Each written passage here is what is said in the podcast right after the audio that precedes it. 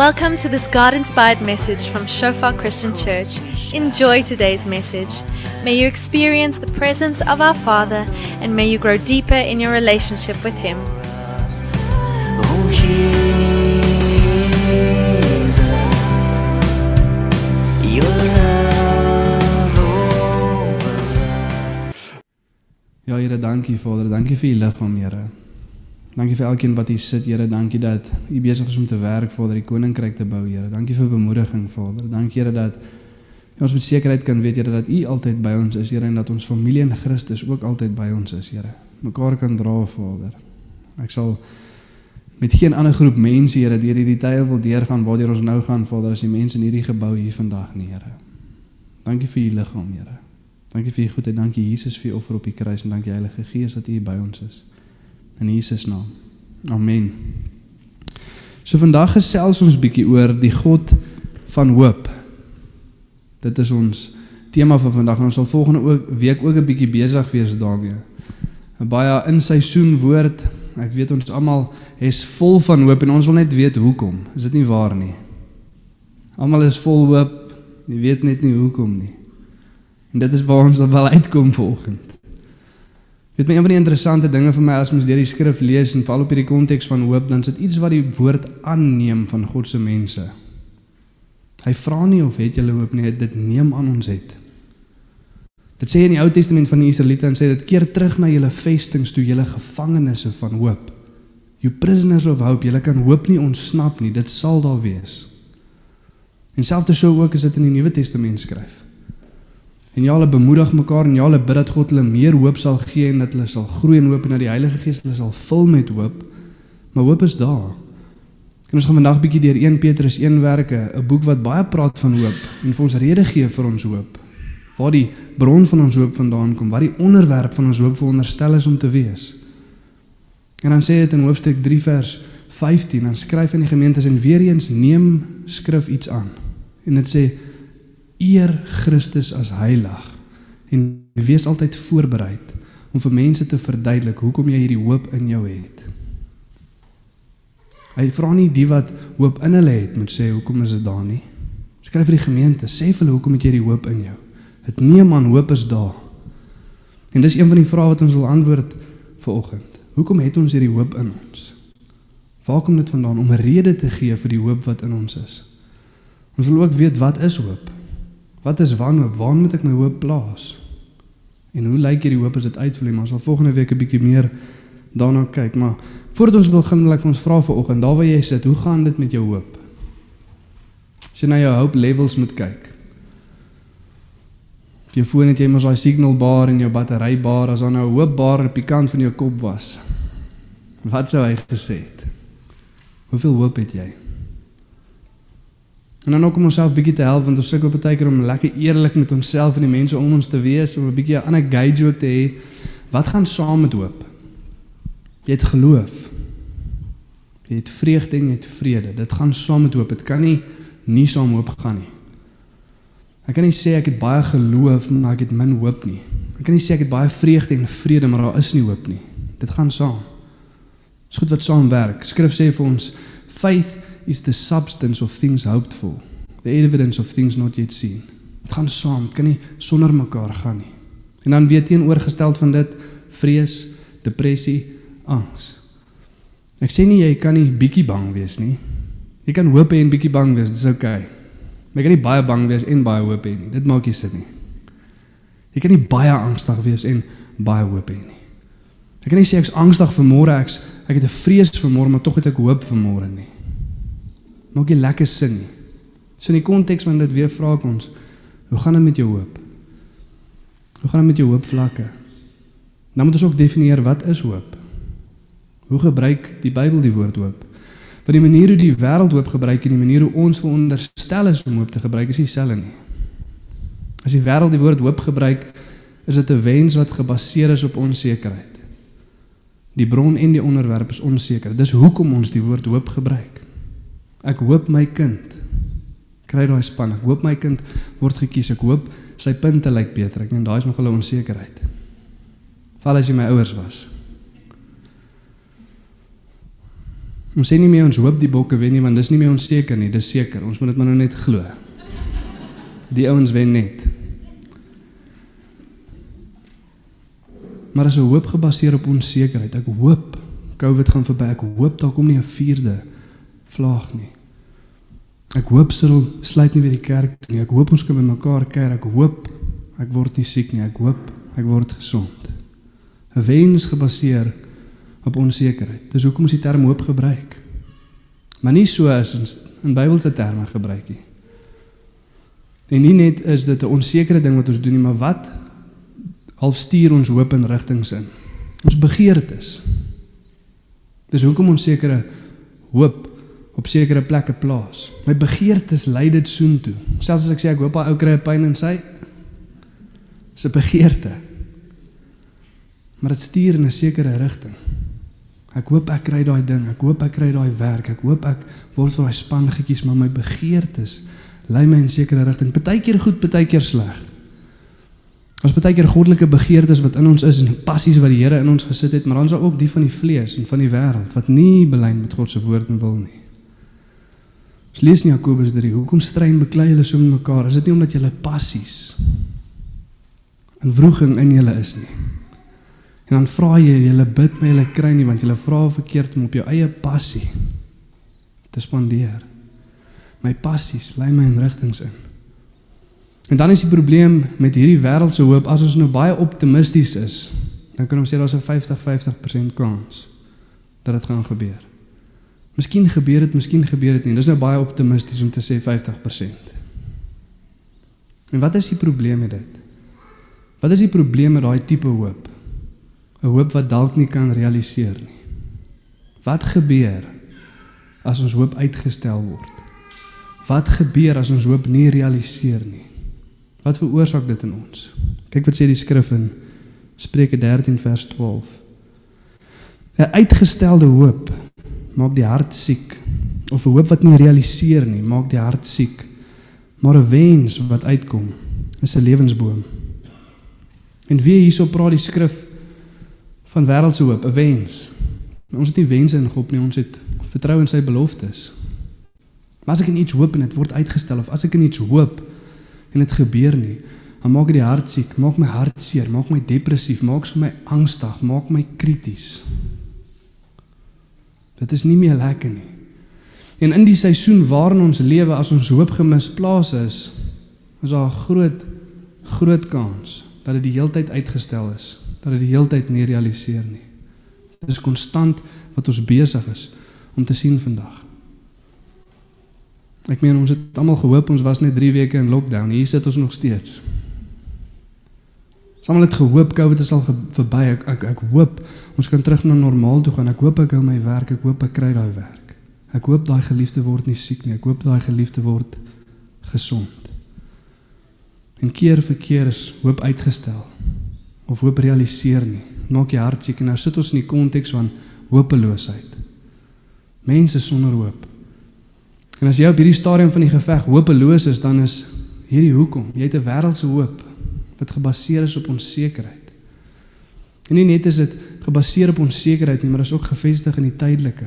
Dis nie ewige hoop nie. Dis hier en nou. Dis aardse goed. Wat nie altyd verkeerd is nie, is goeie goed wat God ook vir ons gee. Maar as ek hopeloos is, is ek hierso. Dit gebeur net nie. Dis 'n tydelike ding. En dan moet ons ook sê as jy gewonder het ons encourage nie daai tipe hoop nie. 'n Wêreldse hoop. Maar daar is wel een wat doen. Die vyand. Die eeue oue slang. Wat in die tuin was. sien in hierdie selfde boek van 1 Johannes wat deur ons nou gaan gaan. In hoofstuk 5 is nie op die bord nie, in vers 8 en sê wees nugter, wees wakker. Julle vyand, die duiwel, loop rond soos 'n brullende leeu en hy kyk wie hy kan verskeer. Hy kom te steel, dood te maak en te verwoes. Hy wil graag hê jy moet jou hoop plaas in hopelose goed. Sodat elke keer die hart 'n bietjie meer siek kan word, bietjie meer krities, bietjie meer depressief, bietjie meer angstig. En as hoop skuif na plekke toe waar dit nie moet wees nie. En van die begin af en in daai konteks verstaan ons dat as ons nou gaan praat van Bybelse hoop, dan is dit iets waarvoor ek voorgaan moet beklei. Dis nie iets wat net van self gaan gebeur nie. Ek moet veg vir daai plek. Ek moet doelbewus seker maak my fokus is daar. En ek moet doelbewus my hoop van ander plekke wegvat waar dit nie veronderstel is om te wees nie. So wat Dawid skryf in die Psalms.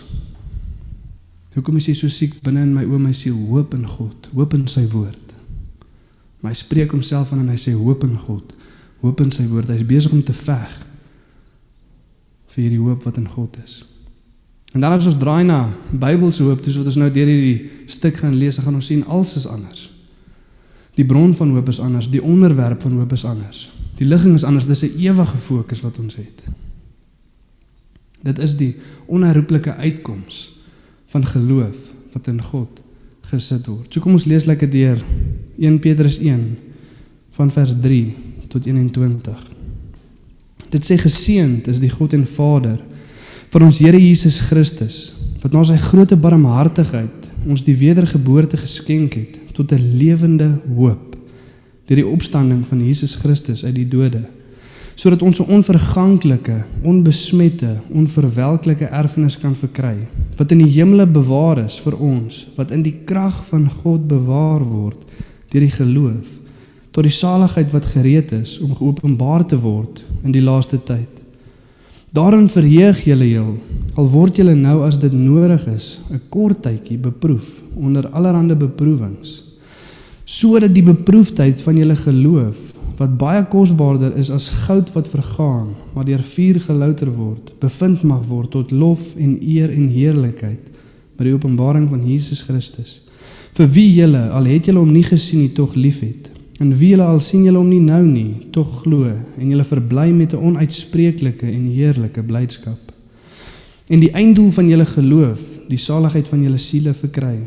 Daarom om God die lendene van julle verstand wees nugter en hoop volkome op die genade wat julle deel word by die openbaring van Jesus Christus.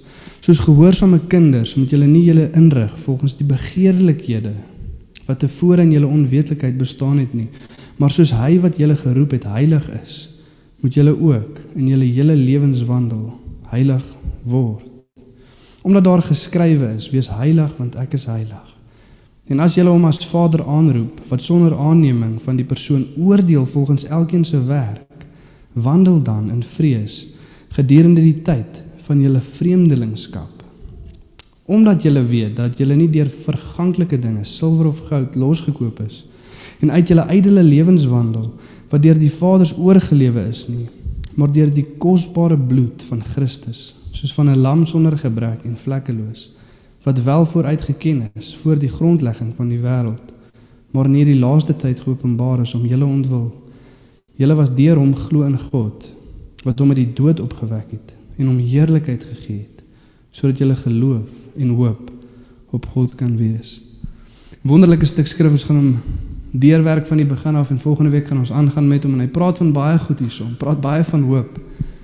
Maar een van die goed wat ons meer volgende week gaan bespreek wat ek net wil hê ons moet nou net van bewus wees. Gaan nie op die bord wees maar in daai vers 17. Dan sê hy lewe in vrees in hierdie tyd van julle vreemdelingskap. Julle vreemdelingskap, pelgrims, is die woord wat skrif gebruik. In the time of your journeying, soos wat die Engels sal sê. En in die begin van hierdie hoofstuk dan skryf Petrus vir die vreemdelinge. Vir die vreemdelinge. Dit beteken nie ons is ken nie mekaar nie of God ken ons nie. Dit sê ons is vreemdelinge in hierdie wêreld. Ons is nie gemaak om hier te lewe nie. Ons is tydelik besig om beproewinge deur te gaan want ons lewe vir ewigheid. En is iets wat ons moet bestaan en die oomblik as ons dit begryp, dan kyk ons bietjie anders na hoop. Wie hierso was al oor see op vakansie? Dit kyk om die regte vriende te maak hierso. OK. Sal met julle nader 'n koffietjie drink, Desember planne bespreek. Nou vir die van julle wat oor see was, okay, wie van julle wat nou oor see bietjie gaan vakansie hou, wie daarso toe jy soontoe gaan het jou huis hier verkoop, jou huis daar gekoop en al jou besittings en finansies soontoe saamgevat. Enige hande? Niemand. Dit maak nie sin nie hoekom, want ek lewe nie vir daan nie. Ek lewe hier. En die Here wil hê ons moet daai selfde mentaliteit hê as ons dink aan ewigheid. Nou nie gaan huis op sit daar nie. Moenie alles wat jy het daar indruk nie. Jy lewe nie vir daai nie. Het ons bietjie die sites gaan sien, ja.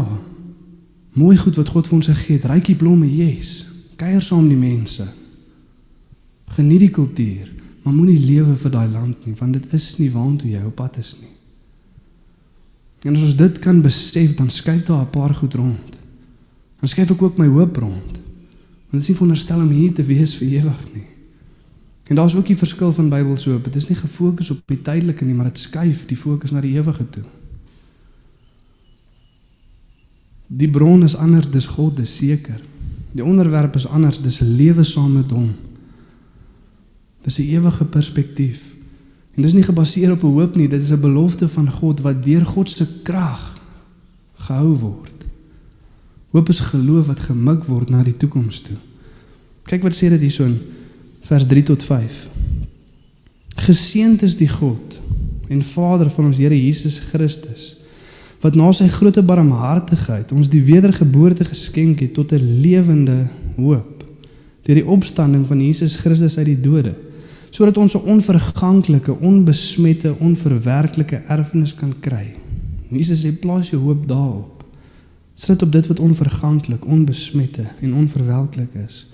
Wat in die hemel bewaar is vir ons, wat in die krag van God bewaar word deur die geloof tot saligheid wat gereed is om geopenbaar te word in die laaste tyd. En hierso sien ons wat is ons hoop? Die bron van ons hoop is God en die onderwerp van ons hoop is 'n lewe saam met hom. Om te kan verduidelik in wêreldse terme as ek praat van 'n bron van hoop en 'n onderwerp van hoop, as ek toe ek 'n kind was gesê ek hoop regtig my pa koop vir my 'n kar. Dan is die bron van hoop my pa want hy is die een wat hierdie hierdie besigheid moet laat gebeur. Party van ons is nou daarso. Weet net dit, jy is iemand se bron van hoop. Dalk vir 'n tydelike ding, maar nie te min nie. Hy verwag ietsie. En die voorwerp is die kar. En God sê nee, skuif jou fokus laat ek die bron van hoop wees, baie seker. En skuif jou voorwerp van hoop na die beloftes wat ek vir jou gee in skrif en hoofsaaklik die feit dat ek jou gaan kom haal en dat jy by my gaan wees vir ewig. En volgende week gaan ons 'n bietjie kyk hoe lyk dit prakties? Hoe lyk dit as ek regtig daai hoop het? As ek weet ek is nie van plan om vir ewig hier te bly nie, dan pak ek my goedjies En ek maak seker dat ek soveel as wat ek kan kan saamvat soontoe. Dit maak vir ons sin. Maar geloof gefokus op die toekoms. Dit is wat hierdie hoop is. En dan as ons hierdie hoop na God toe skuif en ek weet dit is gegrond in God en sy goedheid en sy karakter wat hy beloof, dan as my omstandighede verander, dan verander my hoop nie. Dan verander my vreugde nie. Dan verander my vrede nie. Kyk wat sê die skrif hier in vers 6 tot 8. Daarin verheug julle heel. Al word julle nou as dit nodig is, 'n kort tydjie beproef onder allerlei beproewings. Klink dit bekend? Ons hou nou net nie van die feit dat dit so geverkleineer word nie. 'n Kort tydjie. 'n Kort tydjie regtig. Dis nou amper 'n jaar. En ons voel baie keer so met die Bybelse perspektief is bietjie anders as ons in. 'n Kort tydjie. En dan sê dit ook hoekom? Sodat die beproefdheid van julle geloof, wat baie kosbaarder is as goud wat vergaan maar deur vuur gelouter word, bevind mag word tot lof en eer en heerlikheid by die openbaring van Jesus Christus. En dan skryf dit daar op die einde: Tog glo julle en julle verbly julle met 'n onuitspreeklike en heerlike blydskap. Daar's daai blydskap waarvan dit praat, daai vrede en daai vreugde van as ek my hoop in God plaas en ek gaan deur goed. Dit lyk nie so wat ek gedink het dit gaan lyk nie. Dit lyk 'n bietjie anders. En in lig van dit moet ons onsself weer ondersoek vandag. Het jy regtig Bybelse hoop? Want as die vlakke van my hoop drasties verander as my omstandighede verander, dan beteken dit ek het my hoop drasties misplaas. Dis glad nie waar dit moet wees nie. Dis wonderstel om in God geplaas te wees. En as dit daar is, dan kan die omstandighede verander, maar dit verander nie wie God is nie, dit verander nie wat hy beloof het nie, dit verander ook nie wat hy kom doen het nie, dit verander ook nie wat hy gaan kom doen nie. Dit bly seker. En my hoop is daarin. Dis hoekom dit nie skuif nie. Jy sien, baie keer dan het ons 'n wêreldse hoop en ons probeer half God net aanhaak op hy wêreldse hoop. Wil dit gou die trailer aansit. Dat hy kan help met hierdie goed. Maar dan sit ons weer die trailer een kant. Ek wil graag daai ding hê En as ek bid en dit help, dan sal ek ook bid. As jy met my. Partykeer voel ons bietjie so. Dis 'n wêreldse hoop en as God kan help dan dan gaan ek hom daar sit. En ons doen dit baie keer. Ons moet versigtig wees en kyk waar ons hoop regtig lê. Want as dit in God geplaas is, is in sy beloftes, dan is dit seker. Dit is onverganklik. En nou moet ons ook jouself vra in die lig van dit, soos wat hierdie stuk skrif vir ons vra. In die lig van hoop, wees jy gereed as iemand vir jou kom vra hoekom jy hierdie hoop in jou het. Gee rede. Give reason. Nie net 'n eriferie antwoord nie. My God kan alles doen. Ja, is waar. Maar verduidelik die rede. In ons konteks waarin ons lewe, hoekom hierdie vraag na ons toe? Hoekom vra iemand hoekom het jy hoop in jou? Want ons lewe in hopelose tye. Daar's pyn en daar's lyding. En die persoon wat na jou toe kom en jy sê nee, ek het hoop want ek glo in God, dan vra hy, maar hoe kan daar 'n God wees as daar dan pyn en lyding is? En daai vraag is reguit gemik vir die God van die Bybel, geen ander God. Geen ander God hoef die vraag te antwoord nie. Want ons God is die enigste God wat alomwetend, almagtig, heilig, geregtig en 'n God van liefde is. Hy het nie bietjie liefde nie, hy is liefde. Jy sien ons ook ander almagtige gode soos wat die wêreld hulle sal opmaak. Maar hy's nie 'n God van liefde nie, so hy hoef niks te doen aan pyn en lyding nie. Dan is daar ook gode wat opgemaak is van liefde, maar hy's nie almagtig nie, so hy kan niks doen aan pyn en lyding nie. En dan is daar gode wat nie geregtig is en nie heilig is nie, so hy hoef ook niks te doen aan pyn en lyding nie. Maar ons God is almagtig, alomwetend. Reg moet geskied want hy's heilig. Maar hy's ook 'n God van liefde, so hoe kan so 'n God bestaan as daar pyn en lyding is? Jy sien en wanneer mense daai vraag so vir ons vra, dan is daar twee probleme met die vraag. Daar's twee goed wat die vraag aanneem wat nie waar is nie. En die eerste een is die definisie van liefde. As die Bybel sê God is liefde, dan is dit nie die egosentriese mensgefokusde liefde wat seker moet maak dat alles is soos wat ek dit graag wil hê nie. Dis nie die liefde van God nie. Daai's utilitarian God stelling, meaning the useful God. God is bruikbaar. Solank hy net seker maak alles gaan soos wat ek dit wil hê, dan kan hy God wees. Per definisie is hy dan nie God nie. Jy is. As alles presies gaan soos wat jy wil hê dit moet gaan. En ons dink baie keer ons het daai idee van God. Vending masjien. Ek sal R10 insit, maar as ek 'n pakkie chips wil hê. Solank soos wat God vir my kan gee wat ek wil hê, dan is hy goed. Dan is hy goed. Maar dis nie die beeld wat ons sien in skrif nie. God werk alsaam vir sy wil, vir sy glorie, vir sy eer. En reg so want hy is God.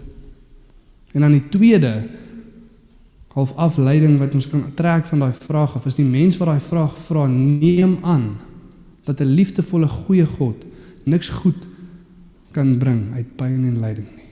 Daar kan niks goed kom uit pyn en lyding nie. En vir ons wat die woord van God ken weet dit is nie waar nie. Daar's baie goed wat uit pyn en lyding kan kom want God laat nie net jy weet lyding en pyn toe nie, hy gebruik dit om sy wil te laat geskied. Hy laat dit nie net toe nie, hy gebruik dit om sy wil te laat geskied. En ons weet dat God selfs dit laat goed werk, eerstens vir sy glorie, maar tweedens vir ons goedheid. Prentjie van Job wat ons sien in skrif. Dan wonder ons dalk, Jesus Here, hoe hoe werk hierdie nou? Hoe is dit regverdig? Waar is 'n liefdevolle God betrokke? En soos wat ons nou in die wêreld om ons aangaan, dan vra die mense ook nou, maar wat nou? Hoe gaan dit aan? Kyk wat sê C.S. Lewis. Hy skryf die volgende: God whispers to us in our pleasures, speaks in our conscience, but shouts in our pains. It is his megaphone to rouse a deaf world. Nie net praat God met ons deur pyn en lyding nie, hy gebruik dit. Eerstens wat sê hierdie stuk skrif vir ons om wat te doen? Om geloof te kweek. Die beste ding wat God vir my kan doen is om geloof te kom kweek in my sodat as Jesus Christus terugkom, dit vir hom glorie kan gee en ek by hom kan wees vir ewigheid. So 'n paar jaar terug gaan my broer ook deur 'n rowwe tyd. Hier's die man in die kerk hande op. Nou wil ons oorgie aan God. En dan dink ons baie keer maar hoe kan 'n goeie God hierdie goeders laat gebeur en toe besef ek in daai tyd en soos wat ek ook deur die boek van Job werk so 'n paar jaar terug. Wat 'n liefdevolle, genadigvolle ding is dit nie as God al ons goedjies kom wegvat sodat ons kan sien wat ons in Christus alleen het. Wat 'n liefdevolle ding. Want as hy my los met daai goedjies en ek sê Here ek wil asseblief nie grondpad ry nie maar my eindbestemming is nie ewigheid saam met hom nie laat ek dan my eerder grondpad ry. As ek moet vra Here vir my en vir my kinders, al is dit net pyn en lyding, maar einde van die saak is glorie vir U en ons by U. Laat dit so wees. Laat dit so wees. Maar as ons weer kan glorie gee en as U geloof in ons kan kom kweek, maak nie saak hoe dit lyk nie, Here, laat dit so wees. Maklik om te bid, maklik om te sê, anders om uit te leef. Maar dan sê die Here soos wat ons deur daai lyding gaan, so kan ons dan vir troos wat ook deur daai lyding gaan. Ons lees in 2 Korintiërs 1 vers 4 is nie op die bord nie. Maar dan sê dit soos wat ons deel het in sy lyding, beteken wat? Dat God nie homself distansieer van pyn en lyding nie, maar hy het Jesus gestuur om die meeste te ly en die meeste pyn te ervaar. Toe hy vir ons gesterf het op die kruis en die sondes van hierdie wêreld op hom gevat het. Hy verstaan. En selfs dit werk hy goed sodat vir hom glorie kan gee en in ons geloof kan kweek. En dan sê dit nie Jesus verstaan my lyding nie, dit sê ek het deel aan syne, want syne is baie meer as myne. En ek het deel aan sy lyding. En dan die goed wat hy daai bewerkstellig is die feit dat ek ander kan vertroos wat deur daai selfde lyding gaan. En as baie ander, ons kan heeldag aangaan oor hoe God pyn en lyding gebruik om goeie goeders in ons te bewerkstellig. Dan lees ons die storie van Josef. Sien ons hy word verkoop, hy word in die tronk gegooi, dit gaan sleg met Josef, pyn en lyding. Maar dan het ons min empatie met Josef want ons weet wat gebeur aan die einde van die storie. Hy is tweede in beheer van Egipte en hy red honderde duisende lewens. Soos ja, Josef kom oor dat jy gaan nou koning wees, chill. En ek dink dis baie keer hoe God na ons kyk. Jesus, Here, hoekom al hierdie goeders nou so chill net? Ons gaan nou in die beloofde land wees vir ewig saam mekaar. Waar pyn nie meer is nie, waar elke traan weggevee is, waar sonde nie meer bestaan nie. En selfs soos wat ons deur dit werk, dan sien ons dat al gebruik God pyn en lyding om sy wil te laat geskied en om glorie aan sy naam te gee en om geloof in ons te kweek, is ons nog steeds nie vry van die besluite wat ons maak wat na dit toe lei nie. Selfs in daai storie van Josef. Wat sê hy vir sy broers? You intended it for evil. Julle het hierdie vir kwaad bedoel. Julle wou kwaad doen aan my. But God intended it for good. Maar God het dit vir goed gebruik om baie se lewens te red. Julle is verantwoordelik en God is in beheer. God werk alsaam vir sy goeie. Dis hoe ons daai vraag beantwoord as die mense vir ons kom vra maar hoekom het ons hierdie hoop in ons? Want my hoop is gebaseer op die karakter van God en ek weet verseker dat dit wat deur ons gaan sal einde met glorie vir God en goed vir my lewe want ek is een van daai wat vir God lief is. En dan in konteks om hierdie nou te verstaan en dit bymekaar te bring is daar een aksiepunt wat God vir ons gee. Hy doen nog sover alles. Hy skenk vir ons die wedergeboorte. Hy laat ons na 'n lewende lewende hoop opstaan en hy gee vir ons die erfenis en hy bewaar dit deur sy krag dan vra hy vir ons in die konteks van dit doen die volgende.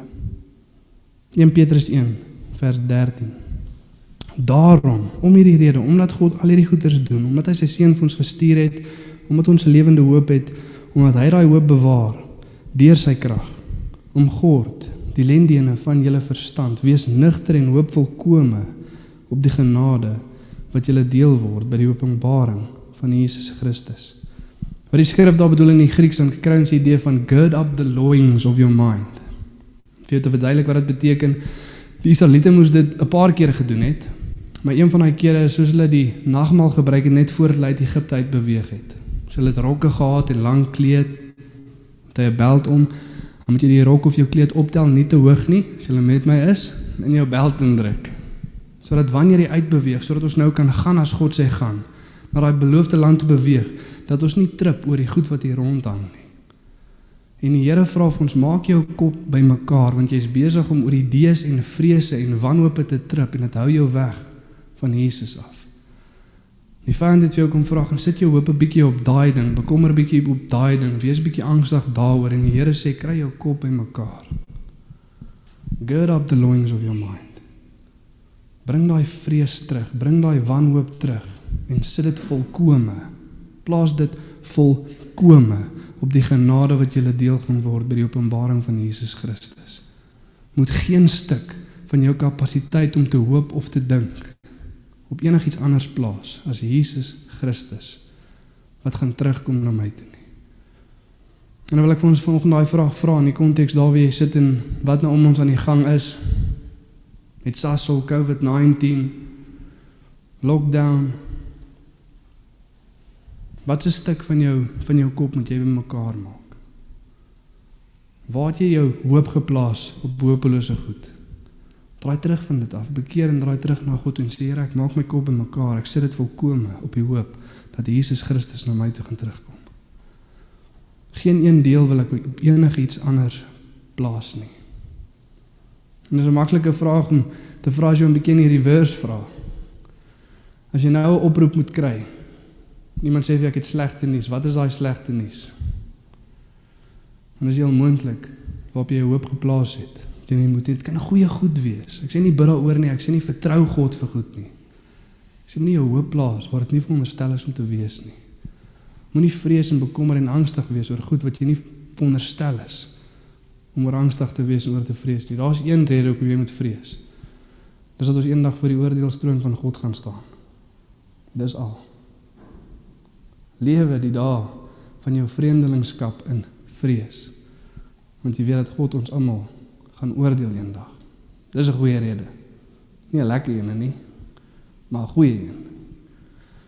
Dan wil ek vir ons klaarmaak met die volgende stuk. Romeine 15 vers 13. En mag die God van hoop julle vervul met alle blydskap en vrede deur die geloof, dat julle oorvloedig kan wees in die hoop deur die krag van die Heilige Gees. En mag die God van hoop julle vervul met alle blydskap en vrede deur die geloof, dat julle oorvloedig kan wees in die hoop deur die krag van die Heilige Gees. Hoe gebeur dit? Deur die geloof. Soos dat ons ons geloof terugskuif na God toe. Sodat ek sê Here, hierdie area bring ek terug na U toe en ek vertrou op U. Hierdie area bring ek terug na U toe en ek het geloof in U. En elke keer wat ek dit doen, dan vul God my met hoop en vrede en krag deur die Heilige Gees. Kom ons staan volgende dan. Bid ons lekker saam.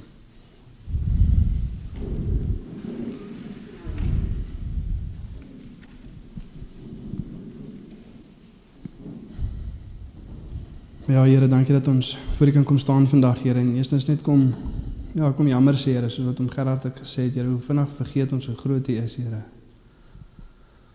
Hoe vinnig begin ons onsself bekommer, Here, oor allerlei dingetjies en goedjies, Here. Ja, Here, U sê ons moenie bekommer oor die dag van môre nie, maar geloof in U hê vir die dag van môre.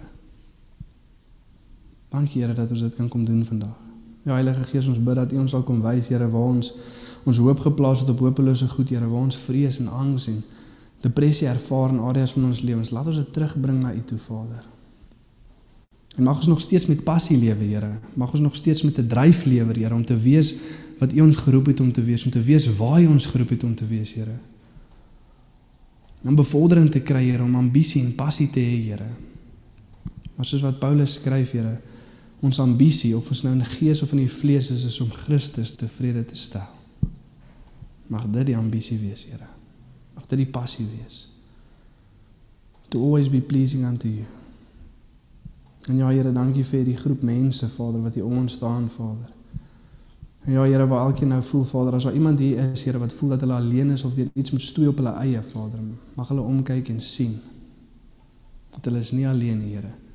U het vir u liggaam genoeg gegee om staande te bly tot die dag wat u terugkom, Here. Mag ons die genade hê om te vra, mag ons die genade hê om te gee. Maar mag ons in liefde mekaar bystaan in hierdie tyd, Here. En ja, Here, ek kom bid dat ons introspeksie sal doen vanoggend, Vader, om te kyk hoe ons eie hoop doen, Vader, en waar dit regtig geplaas is. Maar dat ons dan sal uitbeweeg, Here, en vir die wêreld gaan verkondig, Here, in 'n hopelose tyd. Hoekom daar hoop in ons is, Here. Want U is die bron van hoop. En 'n lewe saam met U, Here, is waarna ons verlang. Dankie vir U goedheid, Here. In Jesus naam. Amen.